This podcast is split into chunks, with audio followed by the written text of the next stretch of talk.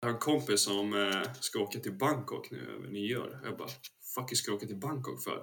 Det är ett intensivt ställe alltså. Kommer man hem därifrån liksom? Man gör inte det. Jag har varit där två gånger, jag är glad varje gång att uh, till leva. jag var nära en, en gång. Stanna kvar. Ja, men jag var, en gång så åkte vi på eh, någon moppe så, och så började han köra in mot en bil. Så jag blev klämd av bilen liksom. Jag kommer inte ihåg. Ja, alltså jag blev intryckt så i bilen. Om det var mellan två, alltså det var på något sjukt sätt typ. Så, så vi blev intryckta så med den lilla mopeden där mellan två bilar så. Jag bara alltså. Nu är det slut. Lyssna vad jag säger till dig. Där du känner det helt okej. Okay. Ingen quick fix, det kommer att ta tid. Men det är värt det när du äntligen blir fri. Freuds Horseman of Psychology tillbaka igen med mig Jesper Anell och eh, mina pseudoexperter och hästryttare, The Sexy Motherfuckers Daniel Sadegi och Jonathan Stenberg. Det är morgon, klockan är strax efter åtta när vi spelar in det här, så att våra röster, de är, de är på topp, eller vad säger ni? det vet jag fan. Tystnad. Hjärnan hoppas jag på topp. Ska vi se ifall vi kan tugga igång maskineriet ja, efter, vi får se. efterhand. Ja, nej men eh, vi djupdyker väl direkt i ämnet eh, som är skuggan och eh, det är ett koncept som ja, ska säga, det anspelar ju lite på personlighet som vi diskuterade förra avsnittet och går hand i hand. Men vi går över till the dark side. Daniel, vad, vad är skuggan? Ja, men jag tänker att för att fatta det så måste man ju typ gå igenom lite Jungs syn på människans psyke. Vilket är svårt att hitta någon så här consistency i överlag men det finns väl lite i alla fall. Och ja, sen vill jag också bara säga jag, alltså jag har ingen aning om Jungs teorier om typ skuggan eller psyket är sanna eller inte. Eller alltså det är ju en karta av hur han förstod psyket. Och han var ju också tydlig med att säga att kartan är inte territoriet. Men det är också så här. Ja, jag vet typ dagens syn inom psykologin och typ det vi pluggar i universitetet och det är inte så mycket Jungs syn på människans psyke direkt. Men det är ändå fett fascinerande tycker jag. Och det gör ju ni också. Mm. så det är ju värt att snacka om i alla fall. Mm. men eh, Ja men Jung såg väl på människans, alltså ni får också flika in era tankar och så, men typ alltså psyko, mer psykodynamiskt liksom, att vi har inte bara ett enhetligt psyke när vi liksom har utvecklats till människor utan vi har typ flera olika så här subpersonligheter eh, eller så komplex inom oss och olika typ vad man kan kalla för arketyper, alltså olika strukturer inom våra psyken som kan ses som autonoma och ha typ egna viljor lite och komma in och påverka oss på olika sätt och så här motstrida varandra lite. Och en av de här i skuggan då. Um, och man kan säga att vi har ju vårt ego, alltså och av vårt ego så har vi en medveten del som vi typ identifierar som oss själva. Och sen som del av vårt ego, om jag har förstått det rätt, så har vi också typ eh, the persona, alltså personan, eller vad man nu säger på svenskan, och dess motsats som är skuggan då. Så personan är eh, det, det är typ soci den sociala masken som vi sätter på lite automatiskt och inte alltid medvetet för att visa upp ja men liksom för att så här, passa in socialt för att verka vara typ trevliga och moraliska och passa en viss roll. Och skuggan är det som vi då inte tillåts visa upp socialt av vår pers persona. Så ja, men det är liksom ofta mer eh, omoraliska eller icke-acceptabla sidor, egenskaper. Um, men som ändå finns där och som liksom kan påverka vårt beteende men som ofta sker, sker i mörkret. Liksom. Mm. För det blir väl som du säger också med de här att det är de omedvetna, de icke accepterade i sociala samhället och som inte känns vid. Typ att det här är inte min bild av mig själv. De här delarna ser inte jag som mig. Mm. typ så. Att man inte accepterat dem för att jag tycker inte att jag ska ha de här egenskaperna. Exakt. Och ja, men jag försökte nu inför den här podden så här, gå igenom en gammal övervikt, alltså fan, den Jungs Map of the Soul tror jag att den heter. Det är någon annan som har skrivit den, men den är så här, ger en bra överblick av Jungs psykologi i alla fall. Men han tog ett exempel av typ skuggan, att om man tänker sig som en stat som har typ någon special force som jobbar lite typ underground och utanför statens liksom eh, kännedom då kommer staten lätt kunna så här, typ förneka att den finns eller liksom inte säga att den har någon, den har ingen aning om vad den här liksom underground forcen håller på med. Um, men då finns den liksom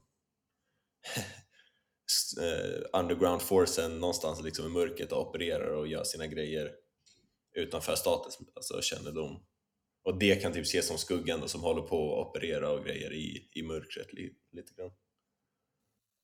Det är en bra introduktion. Vi dyker ner i ämnet då. Eh, för eh, det är intressant utifrån, eh, för det är väl lite generellt för det psykodynamiska att man tänker psyket som uppbyggt då, eller jag vet inte om det är psykodynamiska eller psykoanalytiska, men att psyket är uppbyggt av olika komplex eller subpersonligheter mm. som du pratar om. För där tänker jag, när man pratar om skuggan så pratar man väl om att göra då shadow work Eh, alltså integrera de delarna in i, alltså integrera sig själv. Alltså så jag antar då att problemet med att inte ha en integrerad skugga är att man inte riktigt, alltså den är för autonom. Man har inte riktigt mm. koll på den. Så den skulle kunna agera ut då utan att, eh, alltså man känner att man tappar kontrollen i princip. Eh, Exakt. Ja. Dels, ja men precis, dels det och att man kommer inte vara en lika hel person och inte vara lika fulfilled, mm, mm, tänker jag. Mm. Alltså om man inte har gjort sitt shadow work, om man inte har kontakt med sin skugga som ändå finns där och som är en del av en själv, då kommer det vara en så här, ja vad säger man? En, inte en halv individ, men det kommer inte vara liksom så powerful eller så mm. fullständig som det kan vara. Typ. Ja, det blir avsaknaden av vissa egenskaper som skuggan besitter gör också att man får problem i livet. Då. Till exempel då, ett konkret exempel skulle kunna vara då man blir eh, mobbad eller folk sätter sig på en hela tiden. Så mm. för att du, har, du är rädd för aggression, din egen aggression eller så, mm. du puttar undan den och vill förneka att du har aggressiva tendenser överlag. Och så blir det att Exakt. du kan inte använda dig av de egenskaperna för att de är, du är inte tillräckligt välintegrerad. Du är för rädd för att använda det. Alltså Precis, på det sättet. Man... Ja. Mm. Ja, men Eller vad tänkte du säga? Ja, nej, men jag, bara, jag tänker så att då, då är det två olika aspekter av det. Det första är att eh, du kan bli drabbad av att du inte har koll på din skugga. För att den blir för autonom. Mm. Det andra är att de egenskaperna som finns i skuggan, de kan du inte använda och det är ett problem i livet för att du behöver dem. Exakt, och det kommer bli för mycket bara det andra vill att det ska vara eller det typ samhället eller din familj mm. vill att det ska vara. Mm. För om du förnekar din skugga då är det för att så här, shit det här är inte acceptabelt, jag kan inte acceptera att det här är en del av mig. Och då, alltså det är ju bara för att du ska leva upp till de sociala förväntningarna som finns. Mm. Och då blir det också bara lite som ett löv i vinden som typ kastas runt av vad andra vill att det ska vara. Så det är en känsla av tomhet där eh, om man inte har gjort det också? Alltså att man är ett tomt skal nästan? Mm, det är tanken. Lite åt det hållet. Ja. Jag tänkte på, ni är lite inne på det, men att just man kan inte använda egenskaperna om man inte har integrerat det, men även det här med att projicera mm. de sakerna liksom, som jag inte integrerat. Jag vill inte veta av det här i mig själv, så jag projicerar på en annan människa. Till mm. exempel om jag är i en relation, jag är väldigt svartsjuk, men jag försöker inte se mig som en svartsjuk människa, för det är, det är inget önskvärt. Varken hos mm. en partner att någon är svartsjuk, eller för mig själv, jag vill inte vara det. Mm. Och jag projicerar då svartsjukan på min partner så att jag tror eller tänker att den personen, min partner, är svartsjuk. Mm. Visst är väl sån sak också? Ja. Precis, exakt. Eh, men det måste ju vara väldigt, typ, om vi bara tar liksom stannar vid det just exemplet med svartsjuka. Det måste ju vara en väldigt svår egenskap att försöka integrera i en själv. Många av de här sakerna är det ju, men eh, integrera, om jag förstod rätt vad du sa Jonathan, att jag kanske inte kan använda mig utav ska vi säga, ilska eller aggressivitet på ett mm. sätt. Det kan man ju kanalisera kanske till någonting bra. Mm. Men typ svartsjuka känns som väldigt svår att kunna se. Om jag integrerar den här delen med mig själv mm. så kan jag göra någonting positivt av det. Mm. Eh, men där tror det jag... känns som en väldigt lätt sak att bara stöta bort.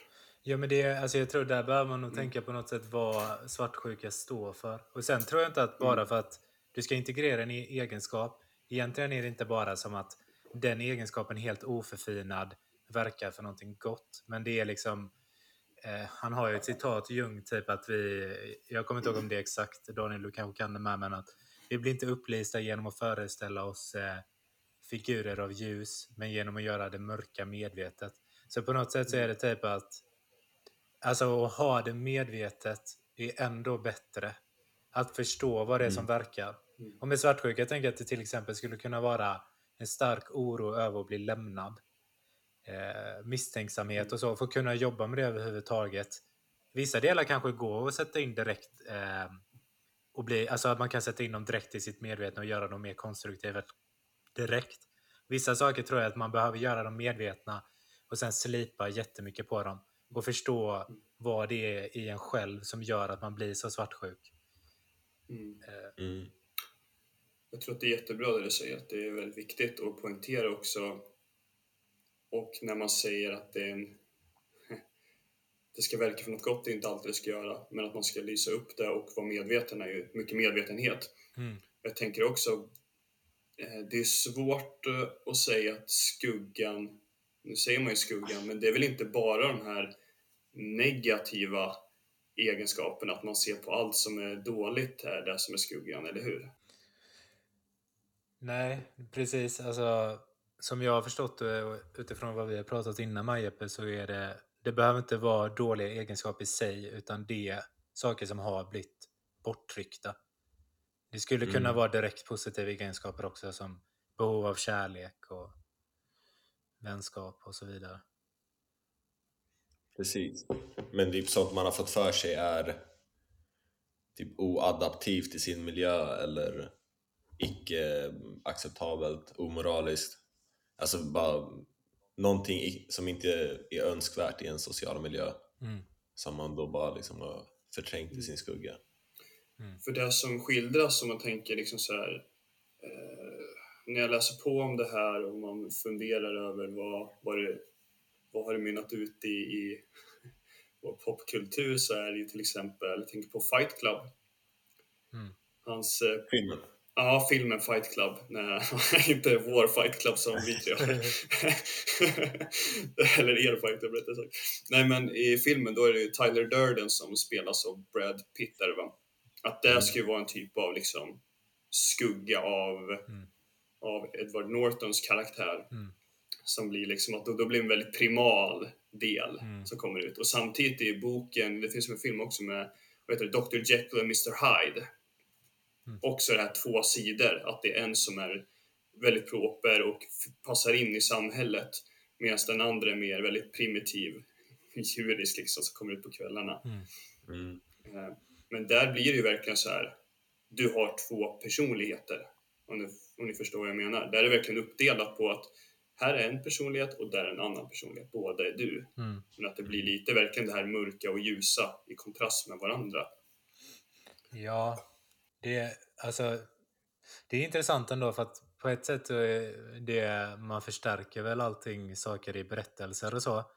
Men på ett sätt så är det ju också, så som Daniel pratade om, eh, det beror på hur extrem man är i det tänket tycker jag, för att det måste inte vara ren fiktion. Alltså om man faktiskt tänker, vi tänker ju personligheten som någonting sammansatt ofta, att det är, det är integrerat och så. Mm. Men man skulle kunna tänka på psyket som olika autonoma krafter, alltså så mer psykodynamiskt, som faktiskt är relativt autonoma. Så på det sättet så, det är ju sällan det är så extremt ointegrerat. Men jag förstår ändå tanken och den är inte, alltså den är inte, jag tycker inte att den är helt omöjlig att få ihop. Mm. Det är väldigt autonomt. En del kan man ju höra Nej, i krig, exakt. liksom, att de blir traumatiserade av sig själva. För att de visste inte att de var mm. kapabla till det. Mm.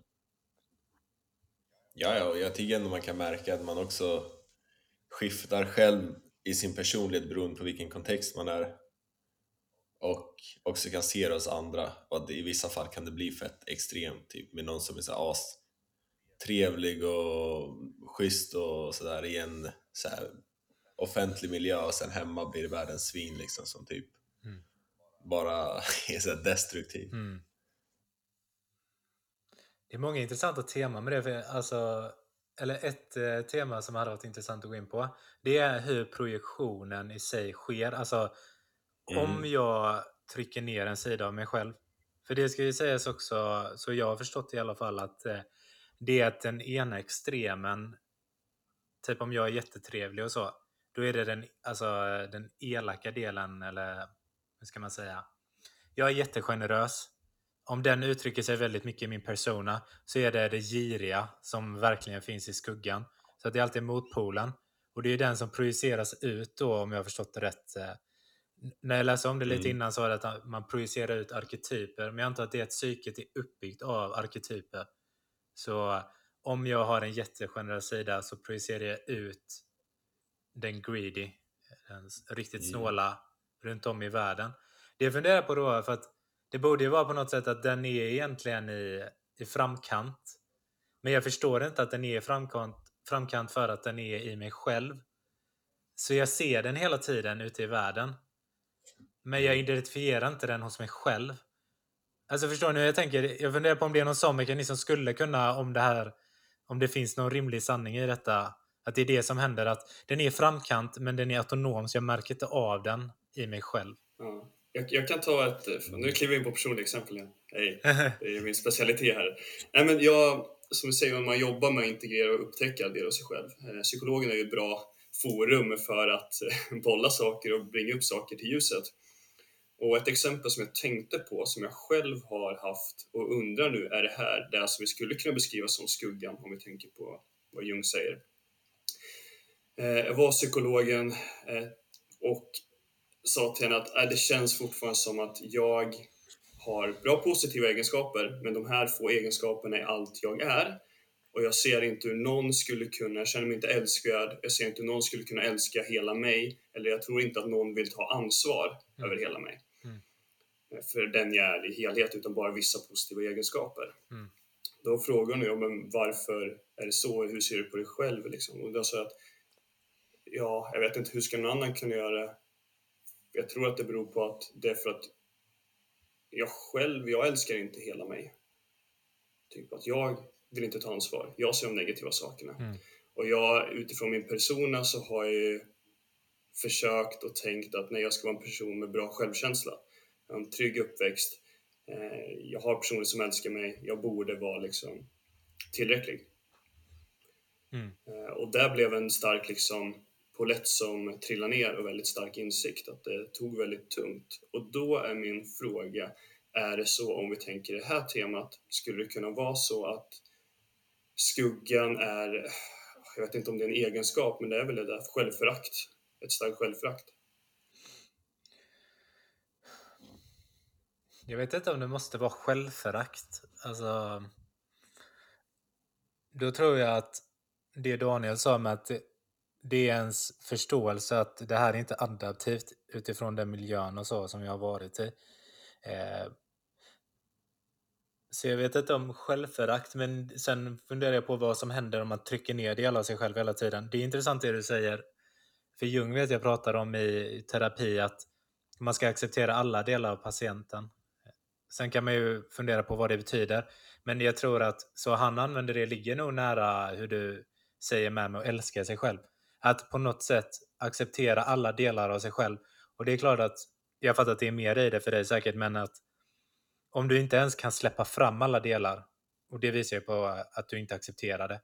Hur ska någon kunna se dem och eh, bekräfta dem eller godkänna dem? Att det, det, det redan tidigare så har du hindrat dig själv. Mm. Så tänker jag på det. Ja, det är... Mm. Vad säger du Daniel? Ja, jag vet. Jag tycker det är svårt att svara exakt på den frågan. Alltså det är inte så här stereotypiskt vad man skulle tänka sig finns i skuggan tror jag. Um, just med... Alltså för, om jag förstod det rätt så har du haft i din typ persona eller din bild av dig själv att du är liksom trevlig och tillräcklig, och, eller inte trevlig, men att du är tillräcklig och att folk älskar dig och att du har en god självkänsla och så. Och att kanske motsatsen skulle ha hamnat i din skugga på något sätt. Um... Mm, att jag projicerar, ja men framförallt det med projektion, att jag projicerar på andra människor att de inte tycker om mig eller inte mm, eh, mm. älskar mig liksom. Eh, men att jag projicerar det också för att det är, jag själv tycker inte att, jag själv känner inte att jag är älskvärd eller ja, vill, ta, vill ta ansvar av mig själv. Så att det är en projektion av mm. det jag känner ut mot andra människor. Mm.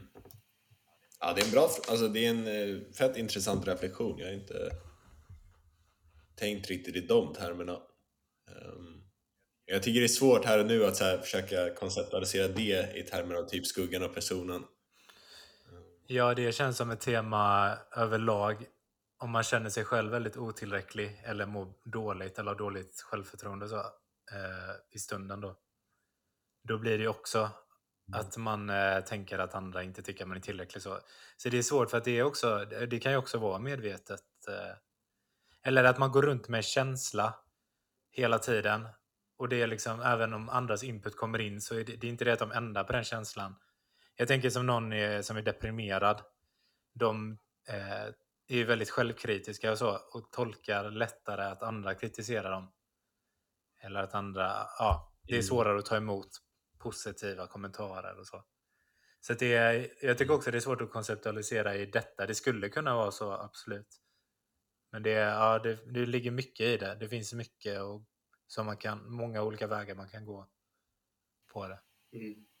Nej, för jag förstår också att de här enkla grejerna är ju verkligen sådana saker som samhället ser som förbjudna för att man lär sig att det här ska du inte ha när det kommer till viss typ av vet, aggressivitet eller det handlar väl också förtrycka, ja, som du, du var inne på ibland med snålhet eller girighet som ett exempel. Det finns ju vissa som är mer, vad ska man säga, väldigt tydliga mm. egenskaper. Mm. Eh, och det är väl det som jag har liksom svårt att greppa. Att vad, hur vet jag vad som är vad? Och hur vet jag eh, ifall det här är skuggan eller är det någonting annat? Som det här i mitt fall kanske är någonting annat som beskrivs. Jag har svårt att liksom veta vad är linjen för, för vad. Liksom. Mm. Ja, alltså där tänker jag på Jung eh, generellt att det blir svårt om man ska ytterst förstå honom konceptuellt egentligen. Så tänker jag på det. Du kan inte hålla med där Daniel, men Jung känns som att han, han levde, alltså hans filosofi är till för att levas egentligen. Så egentligen tänker jag, ja, men som med skuggan då, vara uppmärksam på uh, saker som man varit omedveten om, göra dem medvetna för att bli mer integrerad. Det, alltså den, det viktiga där är processen som du är i, snarare än den konceptuella förståelsen. Där tycker jag att det är många likheter med typ Jung och eh, österländsk filosofi. Till exempel mm. i buddhism och så, så är det ju primärt att du ska medvetgöra, vara mindful om alla processer. På ett sätt så, det, nu vet jag inte om det är att jag har massa egna förutfattade meningar som gör att det här blir logiskt, men att bli medveten om någonting är att integrera det in i sig själv. Mm. Eh, och där så tänker jag att det är det är samma med buddhism där, liksom, att det viktiga är egentligen inte vad du tror på eller konceptuella förståelsen, utan det är den levda upplevelsen och att eh, praktisera det. Så... Men skulle du kunna, nu när du säger att, att bli medveten om någonting är att integrera det med sig själv, ja. så Um, hur, kan, kan, du ge ett exempel? Så, vi bara, eh, så till exempel, eh, säg att eh, det kommer in någon i rummet och säger någonting. Eller det kommer bara in någon i rummet och hälsar. Och så märker jag att jag blir jättearg. Alltså det, det är en känsla av att vara arg. Eh, och då istället för att liksom bara putta bort det eller bara börja fokusera på något annat så stannar jag verkligen med min känsla. Vad är det? Alltså typ, jag försöker verkligen notera vad det är som händer i mig. Jag noterar att jag tänker att den här personen gick in i rummet. Den har, eh, den har hälsat på alla, eller den tittade alla i ögonen utom mig. Så att då är det, det är både att jag har varit medveten egentligen i den situationen. Jag har varit medveten om vad det är som händer i mig och jag är medveten om vad det var den personen gjorde som påverkade mig så. Så egentligen så skulle jag säga att det är, det, det kanske blir konstigt att säga integrera i just det sammanhanget, men att förstå sambanden i världen, att vara extremt eh, uppmärksam på vad det är som händer och vad det är som påverkar mig. Och det, alltså det egentligen ska leda till visdom.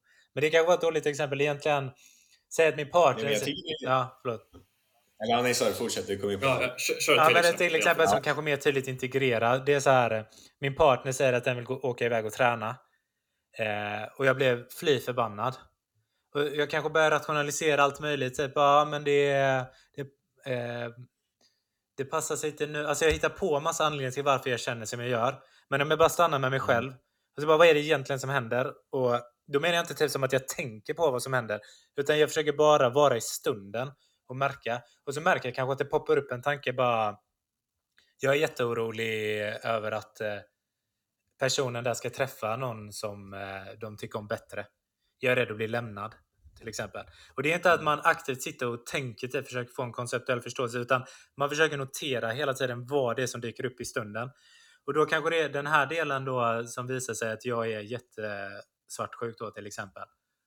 Det har jag inte velat kännas vid innan. Så på ett sätt jag mm. integrerar det in i mitt självkoncept och kan börja jobba med det. Eh, så att på det sättet blir det integrerat att så länge jag bara puttar bort det så, så kommer jag all, det kommer aldrig finnas en chans i att det blir integrerat med mig själv. Det kommer aldrig finnas en chans att jag jobbar med det.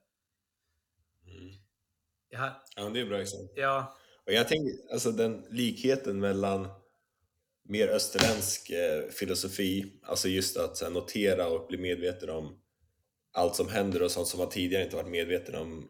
Vi, vi pratade lite om det i Skottland också, du, alltså, och att det har sina likheter med typ psykodynamiken och Jungs perspektiv. Och, mm. Alltså för Jung menar jag också, typ i uh, Modern Man in Search of a Soul, mm.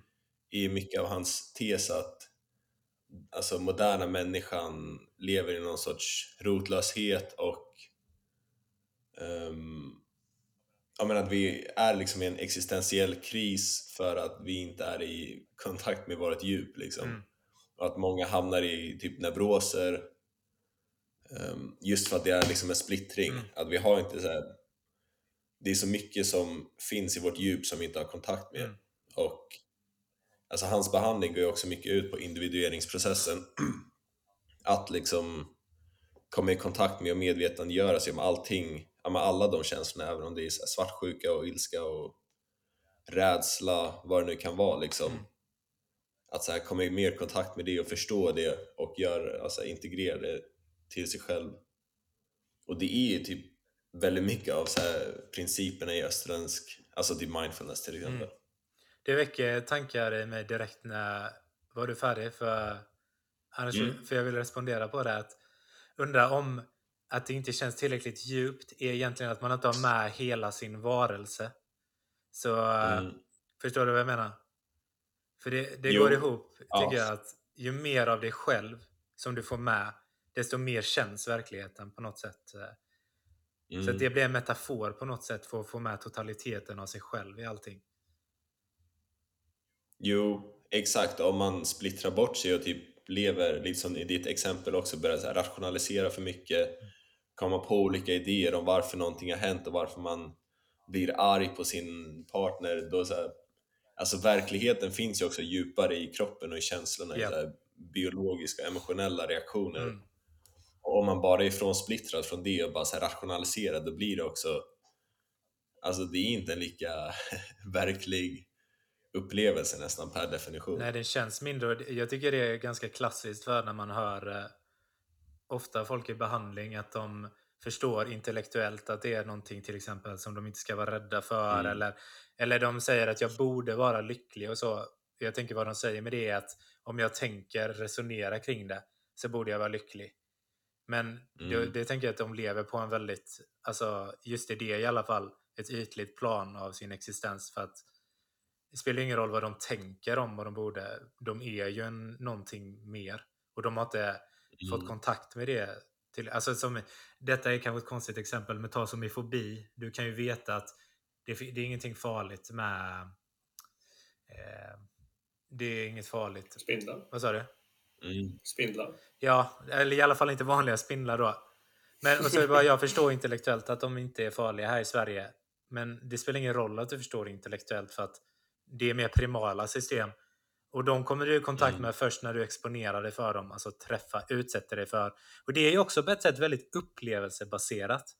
Så det är som att vi tänker ja, att vi kan tänka oss ur det, men egentligen behöver vi uppleva konfrontationen direkt. Och det är där jag också egentligen, jag vet inte om jag kan göra den här kopplingen, att det blir för långt menat. Det är det jag egentligen menar med att insikterna man ska göra är på upplevelsenivå. Det är därför typ jag, jag mm. vill inte jag hade inte rådet att sitta och tänka på vad det är som händer i en situation. Utan att de bara direkt ska konfronteras med sig själva.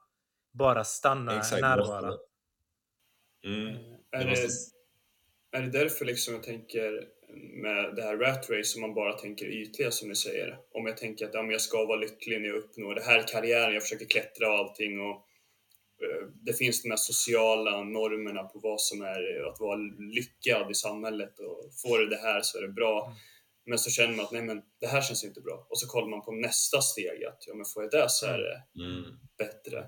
Men att man saknar, som vi säger, det här, ja men vänta vad är, vad är det jag känner, vad är det, vad är det som finns inom mig? Mm. Exakt, ja att man missar vad som kanske motiverar en egentligen i grund och botten. Ja. Att man har någon föreställning om att så här, får jag ett prestigefyllt jobb och massa pengar så då kommer jag bli lycklig liksom.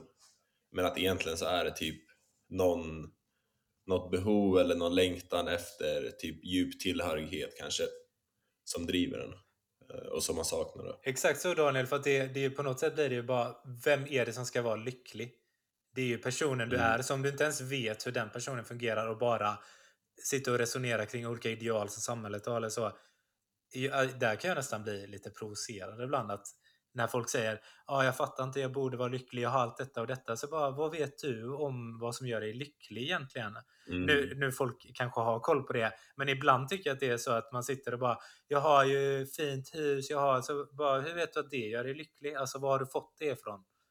Så att det mm. blir... Jag tycker det är spännande. Ja, kör Ja, nej, för jag tänkte säga precis som båda ni är inne på att, ja, okej, okay, om vi säger så här, eh, jag, jag vill gifta mig vi säger det, jag ska ha giftermål som ett, eh, ett mål eller vad jag känner, ja men det här vill jag göra. Mm. mm. Då kommer ju frågan som vi säger, varför? Är det för att känna djup tillhörighet? Det är ju inte bara för att du är gift på pappret eller att du har haft ett bröllop så kommer du känna djup tillhörighet. Nej. Utan det är ju liksom, som vi säger, det är ja, ja, på pappret absolut att du är gift, men då, det innebär inte att du känner djup tillhörighet. Det kan finnas mm. äktenskap där du inte har en djup mm. tillhörighet. Det är någonting annat som man måste jobba på i det. Erik? Jo, exakt. Ja, Erik Fromm skrev ju om det, på tal om att vara inne på psykodynamiskt med... Han har en bok som heter eh, att, att ha eller vara eller någonting. To have or to be. Och där pratar han mm. om exakt det, typ att eh, folk vill ha, de söker utvecklingsbehov som till exempel jag vill vara i en eh, fin relation. Och så förväxlar de det med skalet eller att äga. Så till exempel jag vill ha ett giftermål. Alltså, eller jag vill känna mig lyckad, så bara, men jag äger en fin bil. Så att man byter ut, man försöker... Eh, förstår ni vad jag menar? Alltså, det är en förväxling mm. där egentligen. Breviki pratar mycket om det också. Mellan having och being. Ja, exakt. Och, och, vara en sorts person. Till exempel för att ha en, en fin vänskap så behöver man ju vara en bra vän. Så istället för att utveckla mm. det så försöker man det är som att man försöker ta en genväg där, som Jeppe beskrev då till exempel gifta sig. Alltså gifta sig i sig har alltså egentligen ingenting med en bra relation att göra. Det kan vara ett uttryck för det, men det måste inte vara mm. det. Du kan ju fortfarande vara i misär. Mm. Så ja, jag kommer tänka på det när du nämnde det med giftermål. Ja, men det blir ju för, som säger att man förväxlar det för att okej, okay, jag vill ha en bil. Varför vill jag ha en bil? Alltså varför är det, vad är det med en bil du vill ha? Mm. Frihet, att kunna ta mig vart jag vill, mm. att det är en frihetskänsla. Varför vill du ha ett, ett stort ett, ett hus liksom? Varför vill du ha en, en lägenhet? Jo, för jag vill känna mig trygghet. Jag vill ha trygghet. Yeah. Alltså det, som vi säger, det, ja, det kan vara ett uttryck för det, men det behöver inte vara det i sig. Liksom. Ja, det kan finnas något annat som saknas också i ditt liv som gör att du inte känner dig fri eller trygg. Mm. Så även om du får den bilen så kanske du ändå känner dig för låst och begränsad. Och, ja. Mm. ja, det är förståeligt med att man kommer dit för att det är någonting väldigt konkret. Alltså om jag ifrågasätter mitt värde som person eller om jag är lyckad eller vad man ska säga.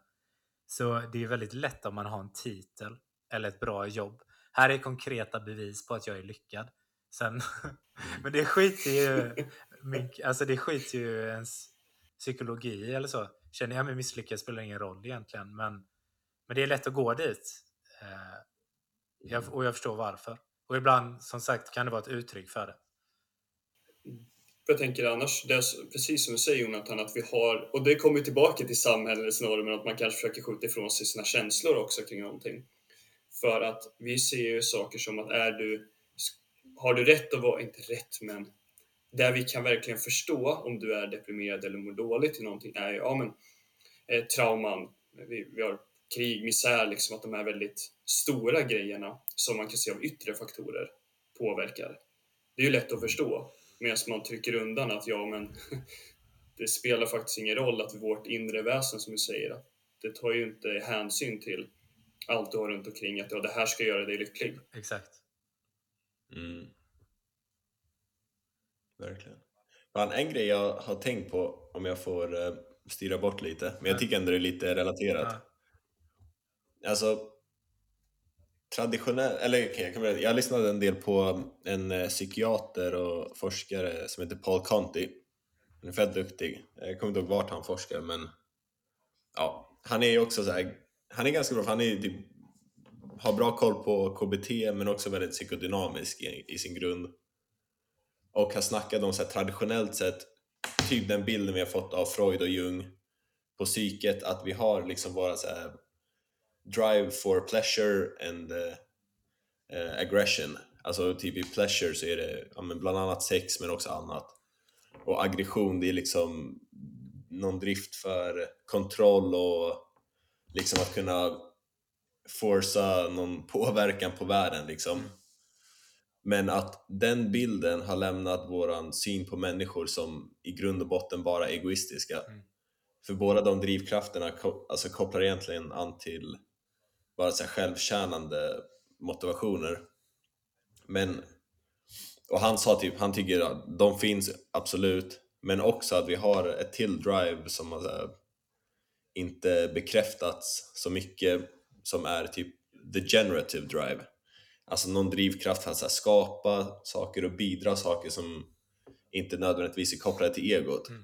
Och um, jag vet inte, jag tycker det var så, alltså, så här sjukt eh, rimlig bild av människan också, att vi har de här egotjänande drivkrafterna men också någonting som inte bara gör oss 100% egoistiska i vår natur. Eh, men det kopplar, jag tänkte på det för, alltså Jungs syn på skuggan är det är de är ganska egodrivna drivkrafterna ofta som trycks ner. Att vi vill ses som moraliska, fina personer socialt men liksom i grund och botten så vill vi bara ha kontroll själva. Vi vill bara så här, tillfredsställa oss själva och mm.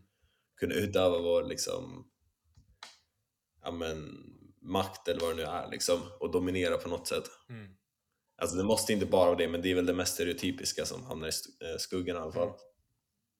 Men eh, jag vet inte, lite så ifrågasättande också. Det finns också mer till våran natur än bara det. Ja, det är väldigt eh, det är intressant för att det känns som att vi också tänker alltid de som motpoler att ja, men, egodrivna motivationer och gruppens.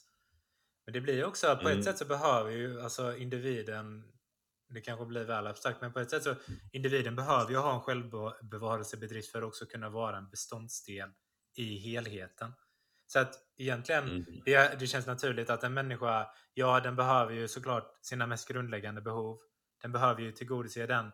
Men det känns ju också väldigt naturligt att den eh, personen också vill bidra i något större och vara en del av någonting större. Så att alltså, mm. på det sättet så blir det inte, då blir liksom beståndsdelen blir en förutsättning för att kunna delta i helheten. Då känns det också inte heller så, det blir inte så mörkt som det kan bli ibland som du beskriver mm. med Just det. Och det är inte så motsägande liksom, att man vill göra gott för sig själv behöver inte vara dåligt för gruppen. Nej, egentligen så tänker jag att det är om man kan eh, capitalize, vad heter det? Ja, men mm. använda så många funktioner. Ja, men så, ja, använda så många ja. funktioner som möjligt av sig själv så kan man också bidra med mer. Det är att, såklart att det, mm. ibland blir det... Det är ju när det är friktion emellan. Och ibland är det mm. nog pseudo och ibland... Ja, förlåt. Vad sa du? Nej men fett bra poäng ändå. Och jag tänker att det kan ju påverka mycket till varför man förtrycker vissa typ egoistiska drivkrafter i sin skugga. Att om man lär sig för mycket att sätt alltid gruppen först, var liksom på rätt sätt för familjens skull eller vad det nu kan vara. Och då, alltså då lär man sig på något sätt att dina egna behov kanske, de är inte bra liksom för oss alla. Mm. Så typ skit i dem. Mm. Eh, men det måste inte vara så och ja, men som du är inne på, om man liksom också kan lära sig och fatta så här, shit jag har de här aggressiva drivkrafterna eller så här, jag vill tillfredsställa mig själv på något sätt men det måste inte vara dåligt för alla andra. Då kan man också utveckla det på ett mer helhetligt och så adaptivt sätt. Mm. Mm, spännande. En sista grej som jag har, eh, bara fråga. Vi har pratat om att göra medveten om det här och integrera. Vi har pratat delvis lite om, om att komma till insikter själv och verkligen stanna upp och medvetandegöra. Varför känner jag så här? Eh, det kan ju vara meditation och man kan väl även skriva om saker, alltså journaling är ju något som är en bra del. Men sen stötte jag på en annan grej som man säger också, det är det drömanalys.